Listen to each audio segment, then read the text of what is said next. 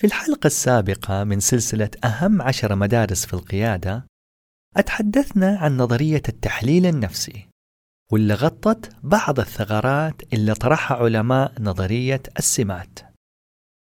واليوم رح نتكلم عن المدرسة الرابعة في القيادة وهي نظرية القيادة الكاريزمية charismatic leadership. حياكم الله سيداتي وسادتي. معكم جميل كتبي وهذا بودكاست سايدوز البودكاست المهتم في نشر جرعات معرفية في مختلف فنون الإدارة والهندسة والاقتصاد.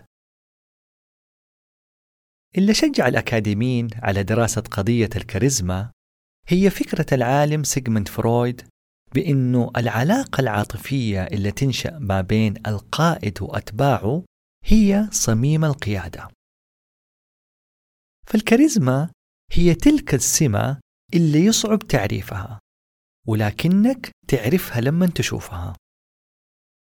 غالبا ما يلاحظ أنه هذا النوع من القيادة في المجموعات اللي تتبع أيديولوجية معينة زي الأحزاب السياسية أو الطوائف الدينية. وهذا هو السبب أنه يجب على السياسيين الاعتماد على شخصيتهم وقدرتهم في الإقناع علشان يتم انتخابهم أو تعيينهم. لأن السياسيين بالمجمل ما يمتلكوا أي منتج عمل محدد ينسب إليهم حصريا.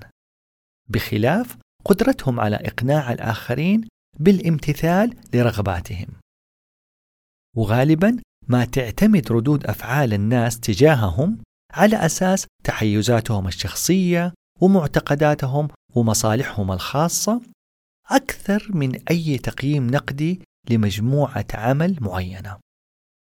وهذا هو السبب في أن الكاريزما والخطابة والتلاعب والتخويف غالبا ما تكون أكثر أهمية من الحكمة والخبرة الخاصة والتجربة الإدارية. وبكذا يرتقي القائد الكاريزمي إلى موقع القوة مش من خلال اللي يسويه ولكن من خلال ما هو عليه. ويأتي صعوده من خلال الإيمان بالذات اللي ما يتزعزع واللي أحيانا يصل لحد النرجسية. فنقدر نشبهه بأنه مغناطيس بشري يشعر الناس بالانجذاب إليه بسبب شخصيته وخطابه المثير.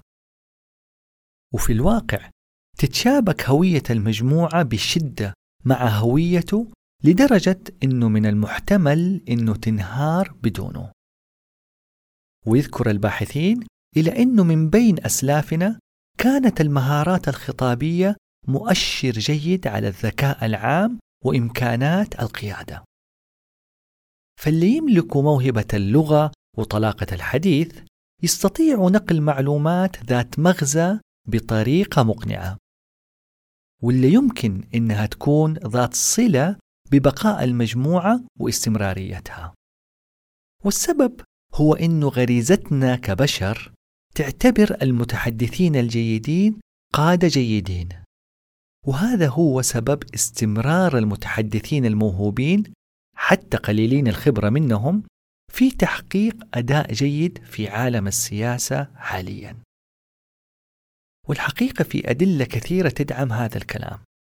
فالقادة يميلون إلى أن يكون لديهم معدل ذكاء لفظي مرتفع. وهذا اللي يتسمى تأثير الثرثرة babble effect حيث ينظر طبعا بشكل غير رسمي إلى الشخص الأكثر ثرثرة وهذر في المجموعة على أنه قائد المجموعة. بغض النظر عن فائدة المعلومات اللي ينقلها أو صلتها بسياق الحديث. فلا تستهين بالعلاقة ما بين الثرثرة وتصور إمكانية القيادة. فصفحات التاريخ تبين أن الكاريزما ليست دائما قوة من أجل الخير حيث يبدو أن هناك بعض الارتباط بين الكاريزما والميكافيلية اللي تضمن سلوكيات المكر والدهاء والتلاعب في سبيل البحث عن السلطة. فالقادة الكاريزماتيين بارعين في الربط العاطفي بين مجموعات كبيرة من الغرباء، فشخصيتهم تعمل كنوع من الغراء الاجتماعي اللي يحافظ على وحدة المجموعة في الأوقات الصعبة والأزمات. بكذا نكون انتهينا من الحلقة الرابعة والمدرسة الرابعة في القيادة.